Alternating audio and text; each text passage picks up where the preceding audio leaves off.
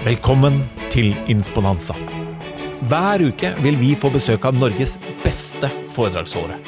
Det alle gjestene våre har til felles, er at de er her for å inspirere deg, og at du kan booke de på Athenas.no. Jeg er Sigurd Granmark, og jeg er programleder og konferansier for konferansen Insponanza. Mer informasjon og billetter finner du på athenas.no. Velkommen til Insponanza. I dag er det en litt spesiell episode. Kanskje ikke for deg, men for meg. For dette er første gangen jeg har en kollega og eh, kanskje det jeg også kan kalle en medarbeider, selv om han er partner i mitt selskap. Han er en vriompeis av en medarbeider, men han er så god at vriompeisen kommer egentlig mest fra at han utfordrer, han har sine klare og tydelige meninger, han brenner for bærekraft, han brenner for kommunikasjon, og han brenner ekstremt mye for læring, og han irriterer seg ganske mye over noe som foregår på som heter Clubhouse. Tor Haugnes, velkommen til Insponanza. Tusen takk, Sigurd. Hyggelig å være her. Hva syns du om at jeg kaller deg en litt sånn vriompeis? Det tar jeg som et slags kompliment. Du er jo min sjef, faktisk, har jeg sett på Brønnøysundregisteret. At du er CEO i, et selskap som jeg jobber hos. Så det, det, det tar jeg som en kompliment. Eh, Tor, du her, her i min altså, Du skal bære den vriompeisen med, som en heders, med et hederstegn, fordi du er eh, så dyktig at for eh, Jeg tror det er nå kanskje 13-14 måneder siden, så tok jeg kontakt med deg og sa at næringslivet er ikke gode nok på læring. Jeg jobber med næringslivet og tror jeg lærer de, men jeg føler ikke at jeg gir de nok. Så da begynte vi to en dialog. Mm. Du fant ut at ok, BI, tolv år, vi hopper. Uh, og du hoppet ut i noe du ikke visste hva var, og i hvert fall ikke hva som kommer et par måneder senere. Fortell om dine siste tolv måneder, da, og kort hva du f.eks. gjorde på BI. Takk for det. Nei, jeg hadde jo jobbet, som du sier, heltid på BI i tolv år. Og før det også faktisk ti år som teamforeleser, så jeg har jo 22 års fartstid som foreleser, og etter hvert programansvar, og jobbet mye med ja, intraprenørskap og utvikle ulike læringsmetodikker for de fagene jeg underviste i.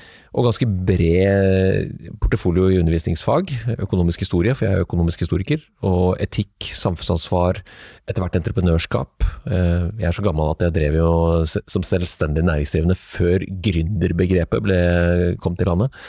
Så jeg har, jeg har, gjort veldig masse spennende ting på BI.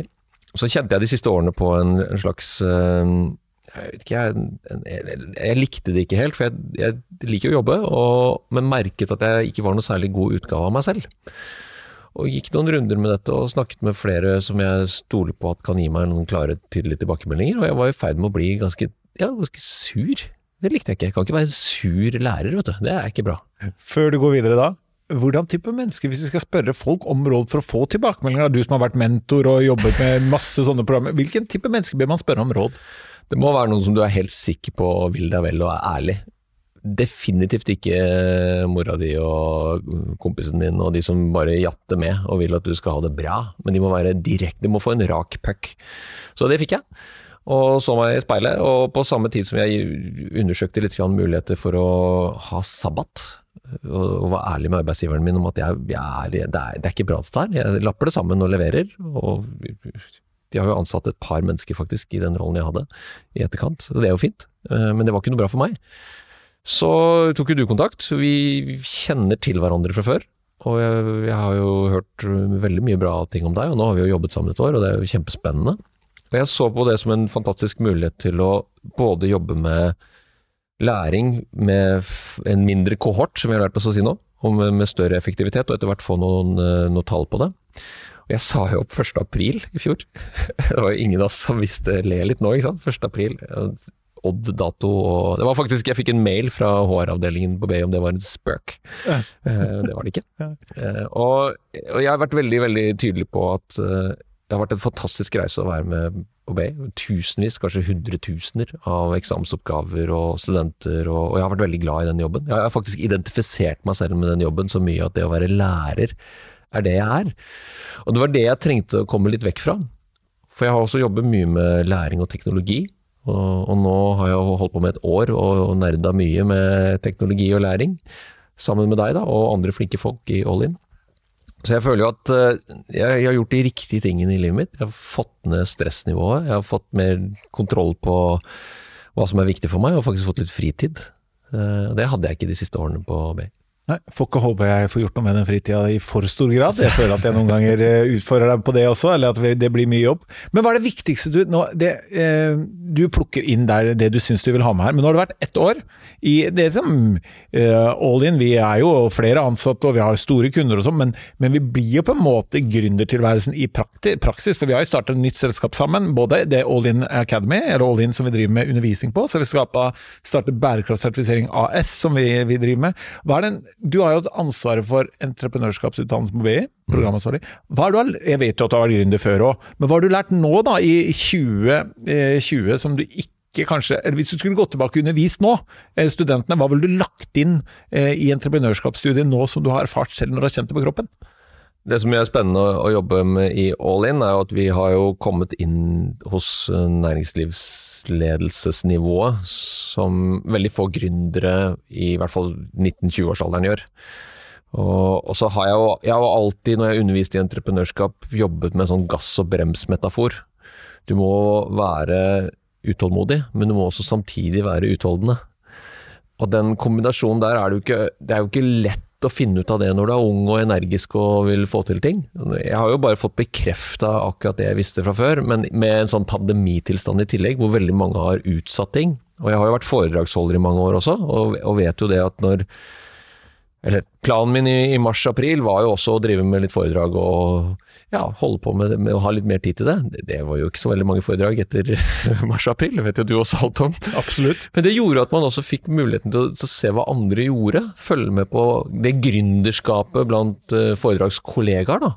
Og det har også vært fascinerende å se på, for der er det noen som har gjort, gitt full gass og gjort masse og vært all over the place og, og sikkert erfart mange ting.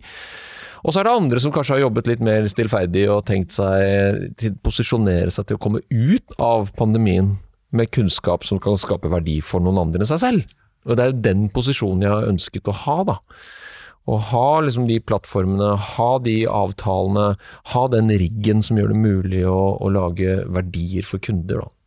Og hva er, viktigste, hva er det kunden er opptatt av? da? Hva er verdi for kunden? Ja, Det er jo det fokuset i entreprenørskapsforståelsen som, som jeg kjenner er viktigst for meg å snakke om. Det, det, og, no, og, det er jo forskjellig fra kunde til kunde.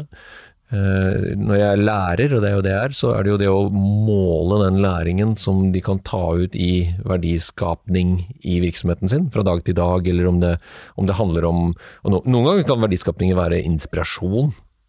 Jeg vet jo at de senere månedene nå, så har vi jo alle fått med oss at det er de som har vært kall det, vært positive til hjemmekontoret i starten. De er kanskje ikke så positive lenger. De nyansatte i virksomheter har slitt veldig med å, det som kalles onboarding på godt norsk, med å få folk motivert til å, å, å forstå arbeidsrollen de skal kle. Så det har vært mange ulike problemstillinger som man må jobbe med. Men læring og måling av læring er egentlig ganske likt. Du kan gjøre det egentlig grovsortert på to måter. Du kan lære underveis, altså måle underveis, og du kan måle det til slutt. Henholdsvis formativt og summativt. Hva er best? Begge deler. Kombinasjon. Og åpenbart. Nå har du fått lov å jobbe med eh, konsernledelser, toppledergrupper. Er næringslivet gode på læring? Er Nei. vi gode på undervisning? Nei. Nei.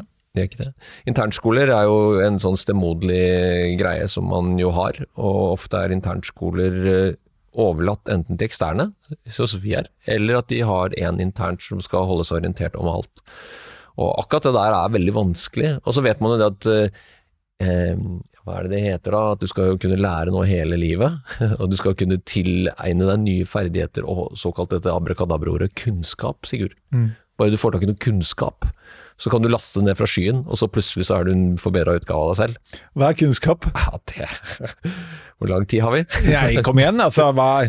Vi slenger jo ut uh, stillingsannonser med, hvor det står Noen ganger står det kunnskap, noen ganger står det kompetanse, noen ganger står det ferdigheter. Hva vil du dele litt? Hva er kunnskap, hva er kompetanse? Ja, Man må i hvert fall snakke om det, og først finne ut hva er det en rolle som, som krever en ferdighet for å utføre den. Så er det jo åpenbart at det går an å måle det. Det går an å sertifisere det. at Kan du kjøre bil, så har du førerkort. Men du kan jo fint kjøre bil uten å ha førerkort, det har vi mange eksempler på. Og du kan også kjøre bil og være beruset. Og Da kan du stille spørsmål om har du egentlig de ferdighetene i det gjerningsøyeblikket. Så kunnskap er veldig vanskelig, og, og det brukes jo så veldig generelt. litt også sånn som et annet tema vi håper vi kommer innom, nemlig bærekraft. Det blir sånn at vi snakker nok litt forbi hverandre når vi snakker om kunnskap. For hvis du er, som jeg, lærer i et internskoleselskap, mm. og er opptatt av at de kundene vi har, de skal få noe læring av å jobbe med meg, så må jeg først vite hva er det de trenger å lære. Og så må jeg også få den kalde friheten til å faktisk lage det opplegget som ser at de gjennomfører læringen. Og Den beste måten å måle det på er at de som skal lære noe, de må reflektere over hva er jeg i stand til å gjøre nå, som jeg ikke var før vi påbegynte denne kunnskapspåfyllet. da. Mm. Refleksjonsøvelser. Så, så, jeg tror nok sånn, den den gamle læreren i meg, eller den som alltid har vært der, opptatt av at du skal lære noe i møte med meg, det, det er det som driver meg, og så tror jeg at det går an å sette det i system og måle det. Ja, og det tror jeg eh, Det er jo i hvert fall grunnen til at du nå er i næringslivet. At man må bli mye flinkere til det. Læringslivet internt.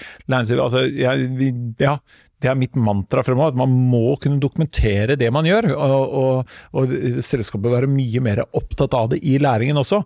Men eh, læring hvor altså, Clubhouse, vi snakka bare Vi kom bare innom Clubhouse, det var derfor jeg bare rallet med det når vi tok introen av deg. Mange bruker jo Clubhouse, og sitter jo der kveld ut og kveld inn. Da lærer man masse der, gjør man ikke det?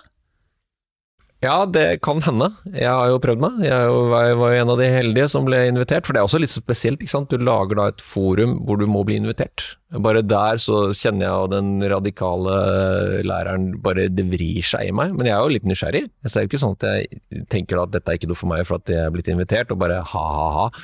Så jeg har vært der inne et par ganger.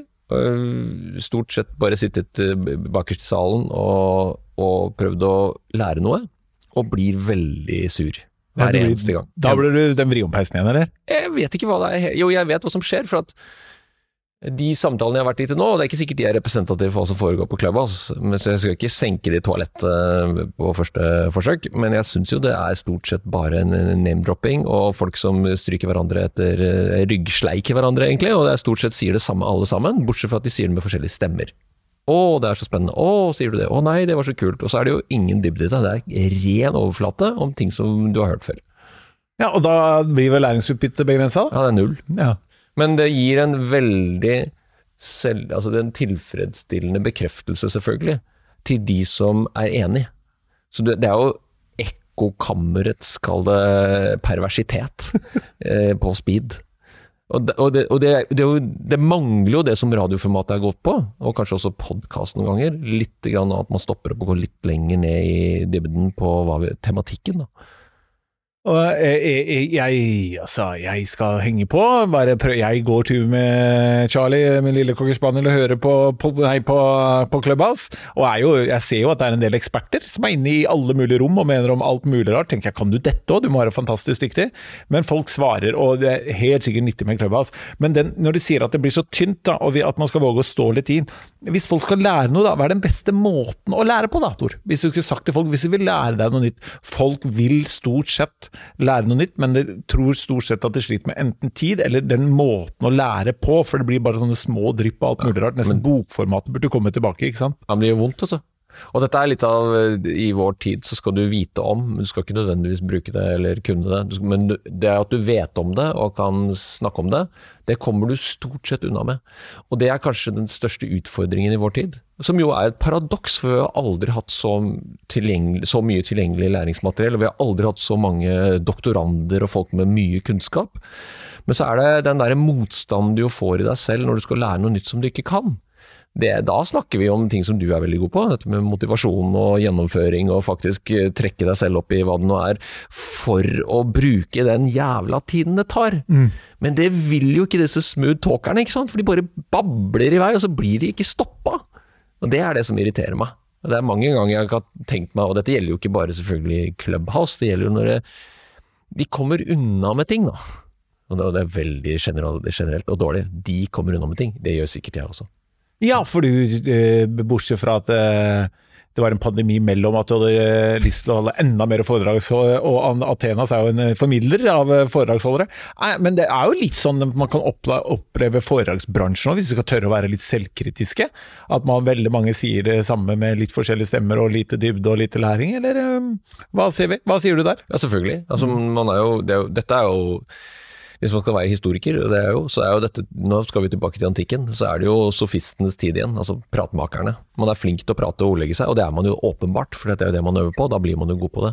Og så er man også etter hvert god med, med saler og audience, og da vet du hvordan du kan få en god rating, hvis det er det som er viktig for deg. Men det handler jo ikke den som sitter i salen. For hvis du var opptatt av å sørge for en varig forskjell for den som tok seg tid til å høre på deg, så hadde du ikke vært så jævla opptatt av deg sjæl. Hadde du vel? Nei, jeg er jo helt enig. Kjempebra. Og jeg, altså der går jeg Du treffer meg midt i som foredragsholder. Jeg vet akkurat uh, hvilken type teknikker man skal bruke for at i hvert fall folk gir deg applausen. Men så vet jeg også at hvis jeg sparker det litt mer på leggen, og de provoserer det litt mer, irriterer det litt mer, så gjør jeg en større forskjell. Men veldig mange av de som sier at de skal gjøre en forskjell for folk, de er egentlig bare ute etter applausen. Men det er vanskelig å vite forskjell. Ja, det er det. Men jeg tror også du anerkjenner at det er jo et, slags fag. Altså det å, å, kunne skape også litt god stemning. Og på konferanser som du og jeg har gått inn og ut av i, i mange år, så vet vi at vi spiller jo en slags rolle en slags kombinasjon av eh, den eksterne eksperten og narren. I det gamle middelalderspillet så jo, har jo narren på seg lue med bjeller på. ikke sant? Vi er jo litt de. Og det, det er også en rolle å, å, å spille med slags ønske om ikke nødvendigvis bare å underholde, men også gi et påfyll i, i for noen en ganske traurig hverdag. Og så er det vanskelig, ikke sant. Det er mye, mye kompleksitet som det er vanskelig å orientere og navigere seg til og da, og i. Og da er det flott at det kommer noen utenfra og setter enkle ord og metaforer på en powerpoint, får applaus og går igjen. Hva er det du liker å holde foredrag om? Jeg, har, jeg liker jo å bli utfordret på å utfordre.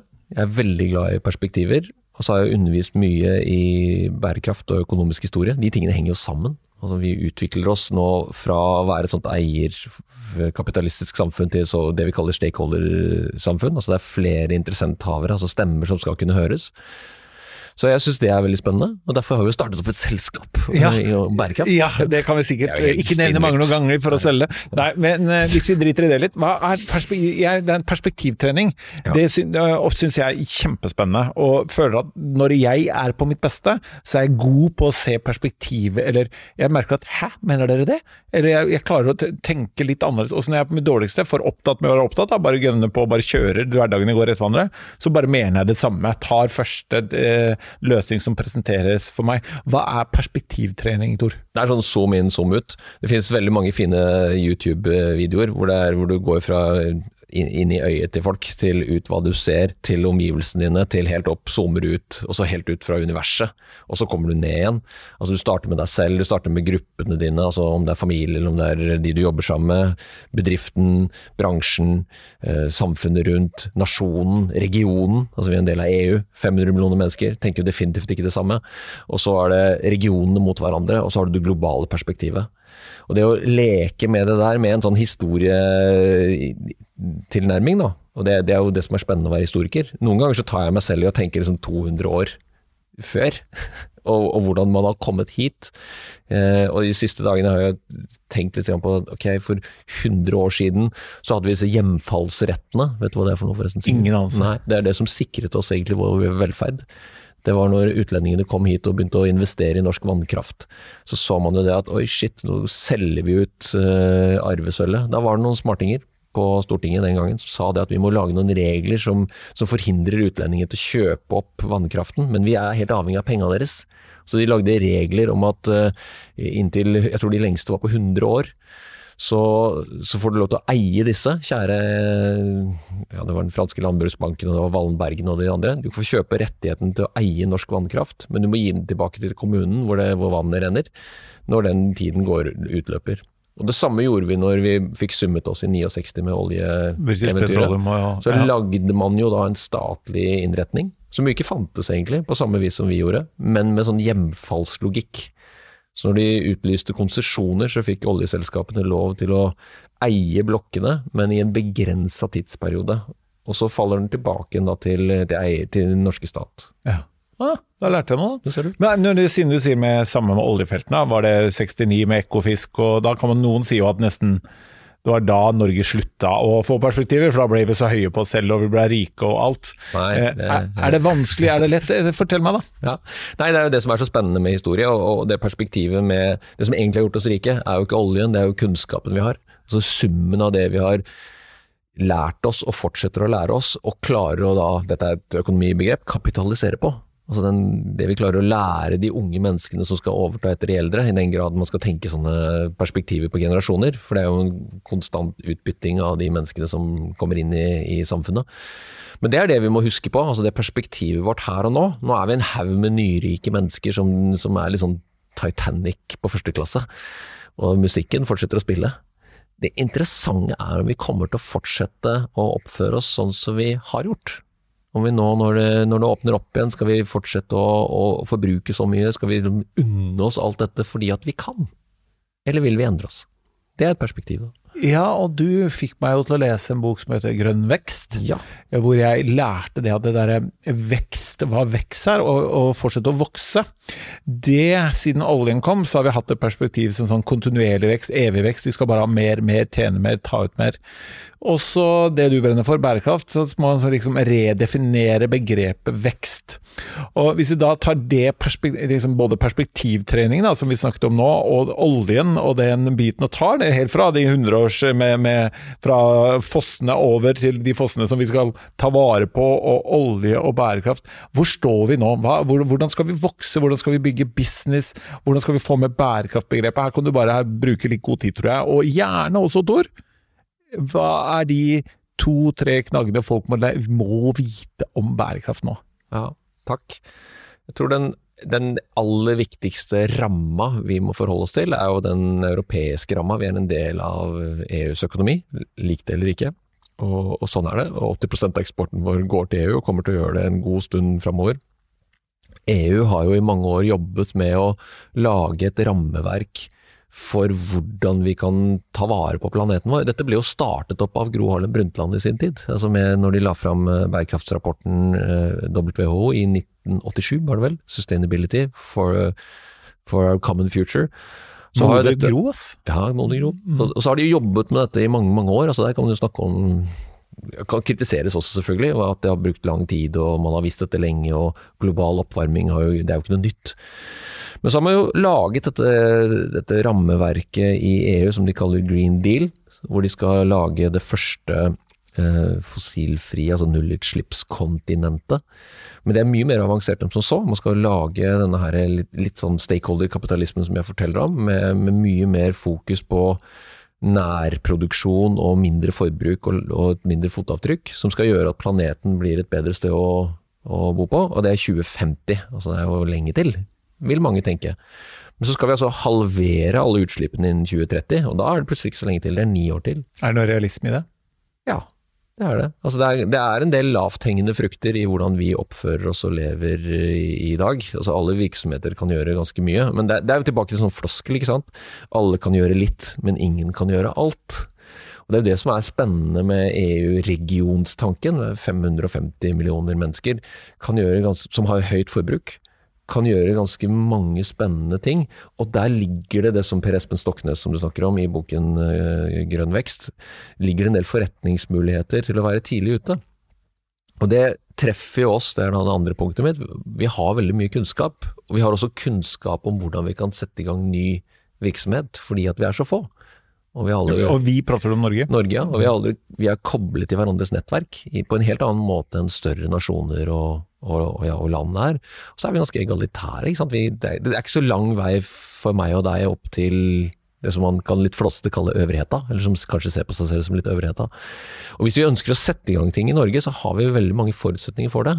Og det er vårt dilemma. For nå må vi jo kanskje også velge noe. Og den som da velger for oss foreløpig, er jo faktisk EU. De velger å sette CO2-utslippsreduksjoner på agendaen, og da må vi gjøre det. Og så vil det jo være kreative forslag fra f.eks. For Fremskrittspartiet foreslå her, jeg ler litt av det, for at det er litt sånn herre Ja, men det går jo an å telle skogen litt annerledes, og da kommer vi unna med det. Da trenger ikke vi gjøre det. Og det, det er helt riktig det, man kan gjøre det. Men da eh, står man ikke ved de forpliktelsene man har signert på, som nasjon og på vegne av nasjonen, eh, overfor EU. Og man vet ikke om EU kommer til å si det at eh, ok, ja, nå prøver dere å snike dere unna her, litt sånn som den uh, bortskjemte guttungen i sandkassa som sitter der med alle lekebilene og ikke vil dele med noen. Det kan fort være at EU da straffer oss. Mm. Og Det er også en sånn historie som ikke alle er så enige, som syns er så stas å snakke om. Når, når, svenskene ble medlemmer i EU, så var jo det, og vi ikke ble det, i 1994 da, så sa jo det var bra svenskene kom inn, for de kan tale vår sak. Ja, plutselig ble det dobbelt så dyrt å være medlem av EU, eller ikke medlem av EU for oss, når Sverige gikk inn. For vi betaler jo for å få adgang til det markedet, som vi jo er helt avhengig av. Så de setter rammene for oss, og så er det våre organisasjoner og våre myndigheter som nå skal svare på denne utfordringen. Og der ligger det masse forretningsmuligheter, og så ligger det også muligheter til å gjøre ting annerledes. Og det liker jo jeg, da, selv om jeg er en vriompeis. Jeg liker jo å stille spørsmål om hvorfor. Mm. Hvorfor gjør vi det på den måten? Og det er jo tusenvis av ting hver eneste, kanskje ikke tusenvis, men hundrevis av ting hver eneste dag da, vi opplever, vi- som vi går an å gjøre noe med. Eh, Beklager hvis jeg avbryter, Nei. men når vi er ute og besøker selskaper da, og du spør hvorfor gjør dere det sånn innen bærekraft, hva svarer selskaper da? Det mm, Nei, nå er det jo mange som, som hjelper til og prøver å hjelpe også bedrifter innen bærekraft og bærekraftsbevissthet. Men det er jo et kunnskapsgap som man kan være med på å, å hjelpe bedrifter med å bli bedre på. Men de er rådville, fordi at de, de, de slipper ikke unna. Jeg tror kanskje i vår tid den viktigste personen i vår tid er jo Greta Thunberg. Jeg har gjort en del eh, undersøkelser og en litt sånn sampling av hvordan folk oppfatter Greta, Thunberg i selskaper jeg har holdt foredrag for og folk vi jobber med. Og det, hun splitter jo folk i to. Men eh, som en klok fyr jeg kjenner har sagt for ikke så veldig lenge siden, hun er også på alles Alle tenker på henne og vet om henne.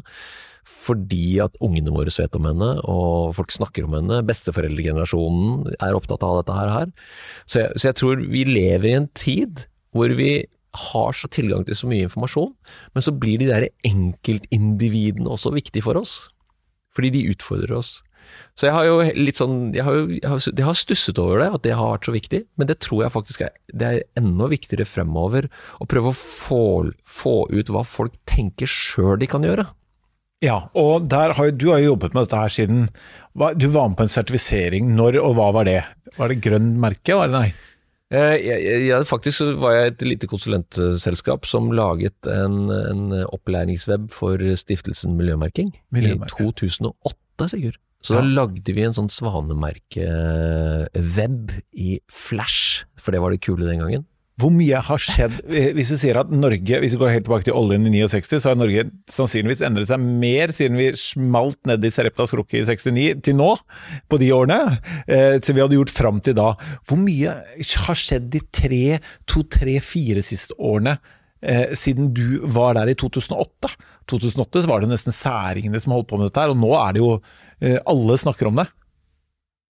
Jeg husker også når vi begynte Jeg tror den største endringen kom i 2015. Altså Det er jo ikke så lenge siden, det er seks år siden. Da lanserte jo FN de der 17 bærekraftsmålene.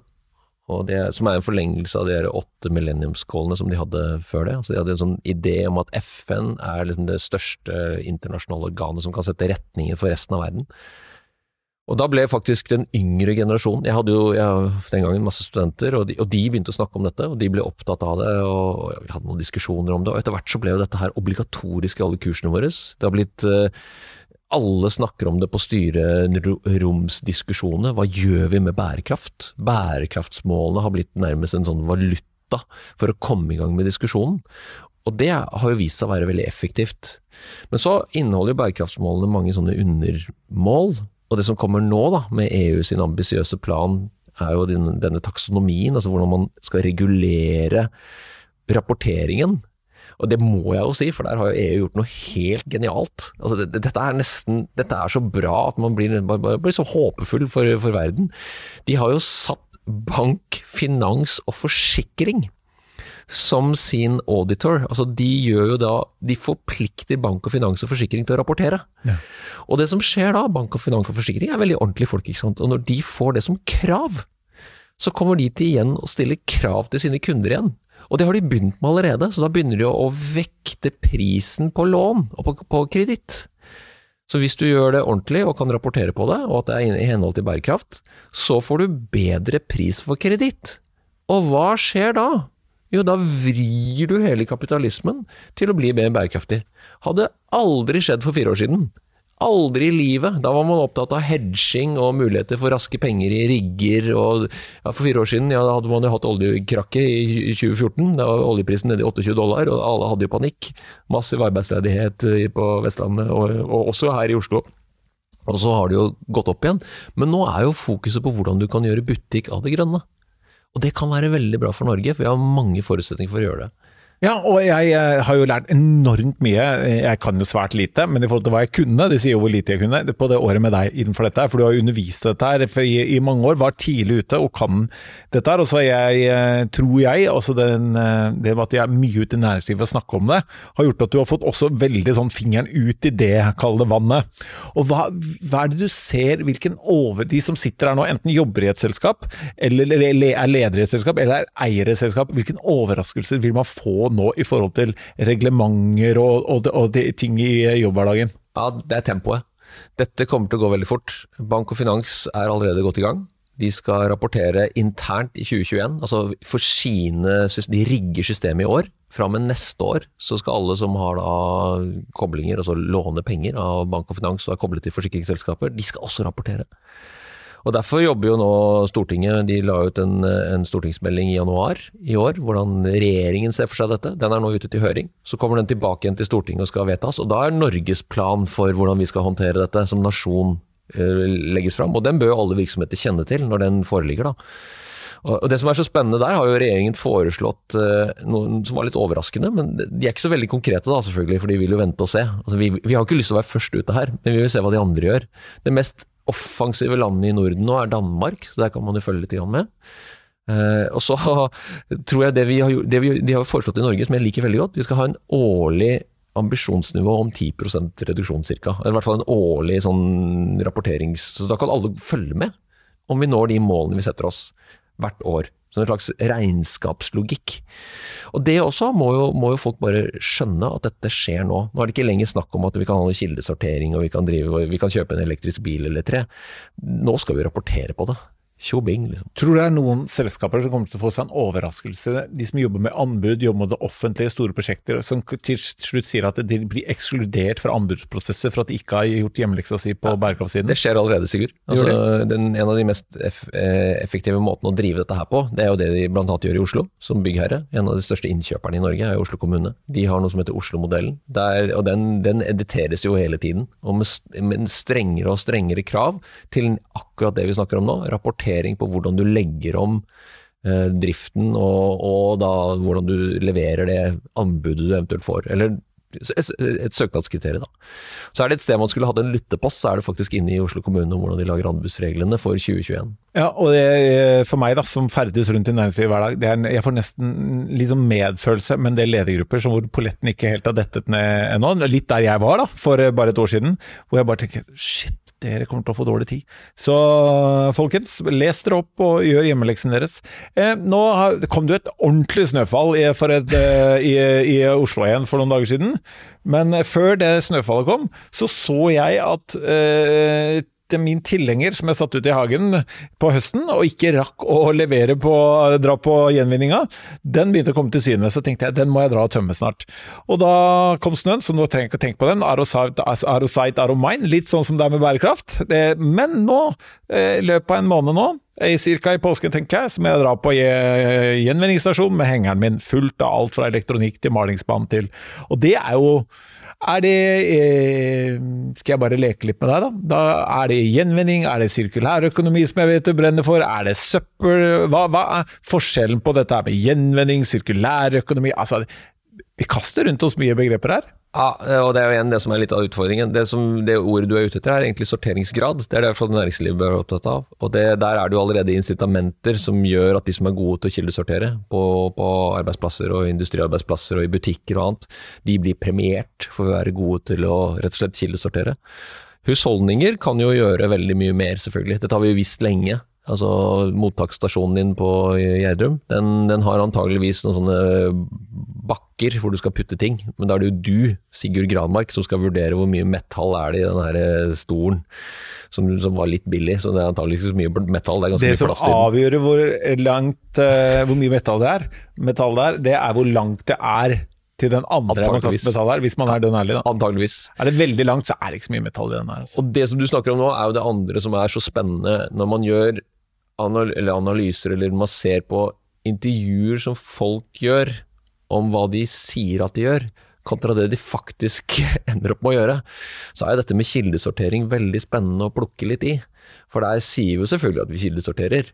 Men når vi står der i oppvasken eller står der ute i garasjen og rydder eller hva, hva vi holder på, så er det å stappe det på den hengeren eller putte det ned i restavfallet og så bare gå, for det ingen som ser det. Det er så lite.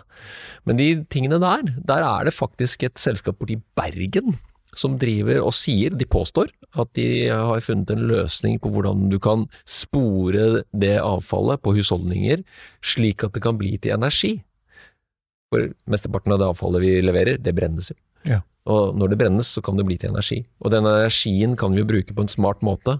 Og det jeg prøver å si noe om her nå, at det er ikke egentlig bare disse enkelttingene, Sigurd, det er den helheten. For det sitter jo sammen i verdikjeder. Mm. Det som kan være søppel i denne øyeblikket, kan jo veldig fort bli en innsatsfaktor i det neste, hvis det er brukt riktig. Og Der kan kommunene gjøre mer, der kan næringsdrivende gjøre mer, der kan gründere gjøre noe. Altså, men, men, men kommunen er jo ofte innkjøperen og bestilleren. Så det at de, de, også våkner opp og samarbeider og gjør mer sammen med hverandre, og ikke bare sitter på sin tue og tenker at ja, det er vårt opplegg og det er vår bærekraftssjef som bestemmer hvordan vi skal gjøre dette, det er et sånt element som er, er spennende i forhold til læring. da. Mm. Man kan lære av hverandre. Hva er eh, Før, når du kjøpte deg en eh, vaskemaskin eller et kjøleskap, så sa du at det er livstidsgaranti, og da var det ofte fem år. Eh, og så kasta den på dynga. Hva er sirkulærøkonomi for dummies? To minutter. Sirkulærøkonomi for dummies er å se for deg et, et kretsløp, et hjul. Og i det hjulet så tenker man seg det at alt det vi bruker, det skal kunne enten repareres, eh, helst av deg sjøl, eller hvis det er umulig og altså det ikke lønner seg å reparere det i det hele tatt, så skal det kunne plukkes fra hverandre og brukes på nye måter. Så at komponentene, helt ned på metallene og plastikken og, og elektronikken og alt sammen, skal ha et evig liv i et kretsløp. Og det, det, det for oss da, som er i, i hva er det, dessertgenerasjonen, altså vi som er født av foreldre som så vidt opplevde krigen, vi kjenner jo ikke til dette, men du skal ikke mer enn én generasjon tilbake i Norge, før det var helt vanlig. Mm. Du reparerte klærne dine, og du, du, kastet ikke ting bare for at det var hull i, i, noe, eller at du prøvde å reparere det, og du hadde faktisk også det som skulle til for å reparere det, og tingene kunne repareres. Men så har man jo over en 40-50 år gjort alt man kan for at ting ikke kan repareres. Så der, så der må vi jo på, på en merkelig måte litt tilbake i tenking. Og så er jeg jo helt sikker på at det kommer nye forretningsmodeller, Sigurd, på veldig mye av dette her. Så det å eie det ikke nødvendigvis er det vi kommer til å sverge til. Vi kommer faktisk til å i større grad bare ha tilgang til det. Uh, jeg, til, ja, den, den, læringen du snakker om, og, og, disse begrepene Jeg føler jo sånn som uh, jeg som har en datter på snart 20 og en sønn på 16 de stiller jo en del spørsmål, for de har eh, hatt det på skolen. De er liksom, man, eh, hun på 19 var kall, kall, det født online, hun har aldri vært offline. Men ah, nesten han på 16, jeg vil nesten si at han er født grønn. Så liksom, det er det bare med de årene som jeg merker at liksom, for han så er disse tingene så selvfølgelige. Hva, hva, hva, skjer når disse kommer inn, du som har hatt uh, undervist på høyskole i mange år med bærekraft, hva skjer når de kommer inn i selskaper? Hvor viktig er det for, for den type arbeidstakere når de kommer ut i jobb? I hvert fall virker det som om at dette er jo en varig endring i hvordan de, Helt riktig som du sier, at de er programmert, og noen vil jo si at dette er jo feilprogrammering, og at når de blir voksne og får seg gjeld og jobb, så kommer de til sans og samling og, og oppfører seg akkurat sånn som foreldregenerasjonen, med et forbruk som ikke ligner noen verdens ting. Eh, men det tror jeg faktisk ikke. Jeg tror at dette er varig kodet, og det ser vi jo i hva de ønsker i, for, av en arbeidsgiver. De ønsker jo impact, det står jo høyere opp enn høyere lønn. Og de ønsker å jobbe med noe som, hvor de kan sette et fotavtrykk på å gjøre verden til et bedre sted. Så, og så er det jo Hvis du ikke innser det at dette har kommet for å bli, så har du faktisk en utfordring, for da står du med ryggen til veggen, og så finner du ikke noen argumenter når, når man snakker om veldig store, varige endringer, ikke bare på klima, men også på hvordan arbeidslivet blir organisert. Og Det er jo derfor det er spennende å snakke med, kall det de unge, da. Fordi de har jo den ungdommelige pågangsmotet som, som et samfunn alltid er avhengig av. Den dagen vi merker at ungdommene våre legger seg ned og er fornøyd, så er det jo livsfarlig. For de skal jo ikke sant, gjennom statsbudsjettet betale din og min pensjon, vi, for den finansieres over eh, skatteseddelen. Så vi er helt avhengig av at de vil endre det. De skal jo overta det, de skal jo leve lenger enn meg og deg, og de skal også sette sin, eh, sitt stempel på det. Sitt stempel på det, og det at du har ditt stempel på det i ditt selskap, tror jeg er helt av, eller det vet jeg er helt avgjørende også for at du skal få nok attraktive og dyktige medarbeidere fra høyskolen inn i ditt selskap også. Eh, nå skal jeg gi deg en kort utfordring. Eh, bortsett fra å Hvis vi ikke skal booke deg som foredragsholder, da, men rett og slett bare lytte på den podkastepisoden her. Jeg sitter i et møte, om det er ledermøte, medarbeider, vi er bare et avdelingsmøte, og vi snakker at vi må ta dette her på bærekraft på alvor, dere. Vi må begynne et sted. Er det noen som vet hvor vi skal begynne? Så er det en som rekker opp hånda og sier du, jeg hørte en podkast med han Tor Haugnes, og han hadde tre tips til hvordan man skulle begynne å ta tak i bærekraft i sitt selskap. Når de nå kommer inn, spoler til dette minuttet her, tre tips til hva, hvordan begynner man? Eller fire, hvis du vil ha det.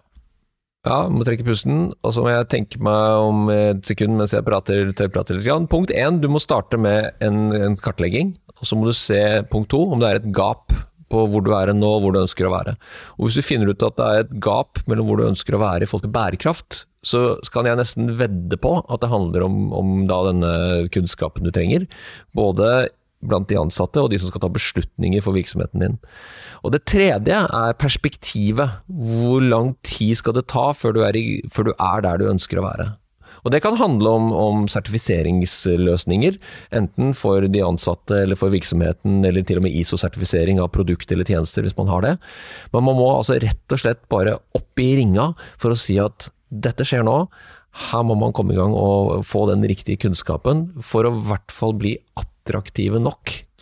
Både, på, ja, både, av kundene dine, men også av de, de, som jobber der. Og Hvis jeg utfordrer deg til at mm, Pass på at ikke det blir litt sånn kløva svar. Hvis jeg vil at du skal være enda tydeligere på kartlegging. Hva er kartlegging? Hvordan kartlegger begynner man på de 70 til taksonomien? Hvordan, hvordan, kartlegger man? Jeg er jo i sitter dette selskapet, er ganske grønn. Når du sier kartlegging, ja, hva kartlegging er? Du er jo ikke så grønn, Sigurd. Nei, nei, men, det, er det, det, er, det, er det man ikke er. Ja, ja, vi skal bli mer grønne, og vi skal kartlegge. Altså, hvordan kartlegger man? Er, har du noe liksom, er det en nettside? Hvordan kan man få hjelp til å kartlegge. Eh, nå tenker jeg ikke også årsselskap i det hele men sånn, er det er at man går til eh, Hvordan kartlegger man?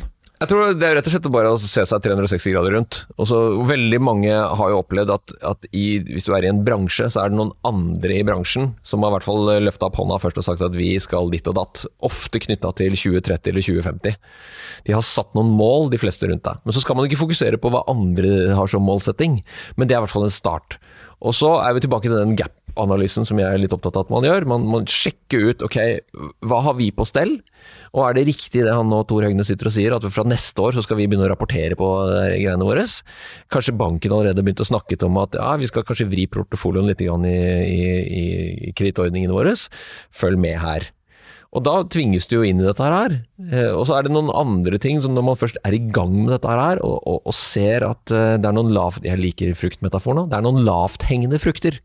Finn de lavthengende fruktene som kan gi resultat på CO2-utslipp du kan dokumentere, eller HMS-ting du kan gjøre. Kanskje, kanskje treffer dette også en annen stor, viktig tematikk som vi snakker om, diversity, altså mer mangfold. Både på alder og kjønn, ja. og også etnisitet, som også er en del av disse bærekraftgreiene. Og da har du plutselig kartlagt det som virksomheten driver med i sin daglige virke, mot en eller annen slags ønske dit du vil. Og det er jo strategi! Mm. Det er jo det vi snakker om. Mm. Så vi må lage rett og slett en slags bærekraftstrategi for de neste årene. Og gjerne med at du også øver menneskene du allerede har, til å bli bedre i stand til å håndtere dette, ikke bare vite om det. Er bærekraftstrategi Og nå utfordrer jeg deg igjen, da. Det er bra jeg sendte alle disse spørsmålene på forhånd. er bærekraftstrategi en egen strategi, eller må den være implementert i en del av forretningsstrategien til selskapet? Jeg tror det er det siste. Må, det, og det er jo det Per Espen sier også, det i Stoknes da, i Grønn vekst. Det du driver med, altså verdiforslaget til selskapet, må i seg selv streve med å bli bærekraftig. Det gjør du ikke over natta, men det er jo det som er målet. Og det, jeg tror det er kjempeviktig, fordi det er der jeg ser med ledelse og ledere som jobber, og spesielt på den kommersielle siden av selskapet, at bærekraftstrategi og bærekraft det er det noen andre driver med. Så det blir ikke noe kulturelt, da. Det blir ikke en del av uh, Kall det det naturlige virket i selskapet. Og da blir det sånn, da blir det bare et prosjekt som de, de har holdt på med. Kjempeviktig, veldig bra, men vi business as usual. Så jeg tror det Ja, men bra. Man, det var konkret på å finne noen av disse, om det er på HMS eller om det er på ja, karbon eller om det er på dri, altså, Vi skal ha mindre diesel. vi skal liksom, Helt sånn konkret, kjempebra. og det, Jeg tror når man starter der, så vil man kjapt det, det er jo med kunnskap kom interessen. Mm. Eh, det syns jeg er, eh, det er kjempebra. Eh, jeg har jo noen sånn litt faste spørsmål her. Og du er jo den første historikeren som av det jeg er bekjent, derfor som jeg klarer å huske, som vi har hatt i Insponanza. Og jeg spør ofte, hvis du kunne gått tilbake til verdenshistorien og eh, overvært en hendelse, hva, hva ville du ha overvært? Hva ville du ha sett? Helst ikke Hitler, for den har vært Nei. tatt en del ganger. Eh, hva, ville vil lov vært? Eh, dette er jo litt sånn nerdete. Jeg vet jo at, og det er jo skrevet om faktisk, men jeg vet ikke om det var akkurat sånn det skjedde. På begynnelsen av 70-tallet så fikk jo Norge et fristende tilbud fra Volvo, som ønsket å kjøpe seg inn i norsk sokkel. Og jeg vet at det var politikere i Norge som syntes det var en kjempebra deal. At vi kunne selge ut litt eh, til Volvo, for den gangen, på 70, tidlig 70-tallet, så var, vi så jo så opp til svenskene. Vi har jo glemt det nå, for nå syns vi det er bare gøy at vi slår de i skiløypa. Men var det én ting vi ønsket i 1970, og langt ut på 80-tallet, var å ha den samme type pondusen som svenskene hadde internasjonalt. Med store selskaper og alt det her. Jeg skulle gjerne ha vært flue på veggen når det ble politisk behandlet og diskutert hvorvidt vi skulle swap uh, equity med Volvo, for da hadde jo vi sittet med Volvo-aksjer. Ikke sant. Mm. Hva hadde de sittet med, da? Ja, eierskap på norsk sokkel. Mm. Det spørs hva som det hadde blitt svensk alt sammen, ikke sant. De hadde, ja. de hadde, de hadde ikke gitt seg med den ene biten, de hadde jo ville hatt mer. Så da kan det hende vi hadde snakket svensk. Ja, og kanskje nå, i hvert fall fremtiden, så hadde vi hatt elvolvoer som går på elv, og når olja blir borte. Kanskje nå hadde det blitt litt mer verdt. Hvis du skulle kunne endret en ting i verdenshistorien, da, og sagt at det der skjer ikke, du får ikke lov å ta Hitler eller Trump. Det er kjedelig at Trump blir samme kategori som Hitler, for det er han vel ikke, men eh, Nei, jeg tror ikke det, dette er, Nå er jeg jo historiker, så jeg kan jeg fortelle deg dette er det en teori om. Dette kalles kontrafaktiske eh, hypoteser. Shit. Det er det det heter. Kontrafaktisk hypoteser? Ja, altså Hvis Hitler ikke hadde gått mot eh, Russland, altså ja. hvis han hadde holdt den der ikke-angrepspakten eh, også i 1942 og 1943, og ikke gått mot Russland, og vært venner med Stalin Så hvis som at det dersom, heter det. Så nei, jeg, jeg, vet du hva, jeg, jeg syns det er spennende, men jeg er ikke jeg, Historien har vært, vet du. Det har skjedd. Nå er du vrionpeisen igjen. Ja, ja, Dette blir for enkelt. Det har skjedd, Sigurd. Sigurd, det har skjedd. Vi må videre. Vi skaper historien i, i morgen. Ja, greit, ass. Det er du får lov til å svare det, da. Tenk deg å være sjefen hans, herregud. Uh, ok, hvis du da Hvis jeg sitter da som et selskap, uh, og Tor, du er en fantastisk foreleser. Det er, jeg tror det er ingen annen lærer, i hvert fall i Norge, som har YouTube-videoer med over 200 000 visninger som elevene har tatt av deg uten at du vet det. Og jeg har hørt alle foredrag, jeg vet hvor flink du er, og jeg vet også hvordan du kan pirke på. Du våger å utfordre, du våger å provosere, og du er en foredragsholder som kan ditt stoff. Men selskapet må ha en grunn til å booke deg. Og jeg utfordrer deg hele tiden på å bli bedre til salg. Så hvis du skal gi en liten salgspitch, og det vet jeg vondt Hadde dere sett han nå, så hadde dere sett at han vrir seg i stolen, han har på et smil som i hvert fall ikke er selgesmil, han er litt rød på kinna, men Tor, hvorfor skal de booke deg? Det jeg kan hjelpe selskapet med, er jo å se det i perspektiv, det de driver med, og også prøve å gi dem noen nye tanker. Men jeg kommer nok til å være en plagsom gjest. For jeg, jeg jeg kan nok være hyggelig og forståelsesfull, men jeg klarer ikke la være å ikke pirke litt i hvorfor vi gjør som vi gjør. Og det har stort sett gått veldig bra, faktisk. Folk har en tendens til å like det. Eh, Men jeg er ikke så glad i å fortelle om at eh, jeg liker å gjøre det. Det, er noen studenter som har kalt det roasting. At jeg burde kalle det roasting, men så googlet jeg det, så fant jeg at det var et fryktelig ting. Nei, det er roasting. Nei, ja, nei, det- du griller ikke. Nei, jeg gjør ikke det. Men, men jeg mener at du gjør de bedre. Og det er den, den forskjellen på de som sier at de gjør en forskjell, som egentlig bare underholder, og sier selvfølgeligheter, og du som sier at jeg, jeg griller dere lite grann, men jeg gjør dere faktisk bedre. Så fra min side så syns jeg at uh, gi, gi uh, grilling en sjanse. Vi går inn i en grillsesong. Uh, Tor Haugnes, det var en glede å ha deg i Insponanza, men før vi avslutter, spørsmålet jeg pleier å stille alle, er det noe jeg burde spurt om som jeg ikke har spurt om? Nei. Nei. Da ønsker vi deg lykke til med alt du skal gjøre. Og jeg, eh, vil du grille i grillsesongen eller andre sesonger, gå på atenas.no. Skriv inn Tor Haugnes, eller ring de som sitter her, så får du både fantastisk service og en fantastisk opplevelse. Tusen takk skal du ha, Tor Haugnes. Takk for meg. Hver uke vil vi få besøk av Norges beste foredragsholdere. Det alle gjestene våre har til felles, er at de er her for å inspirere deg, og at du kan booke de på Athenas NO.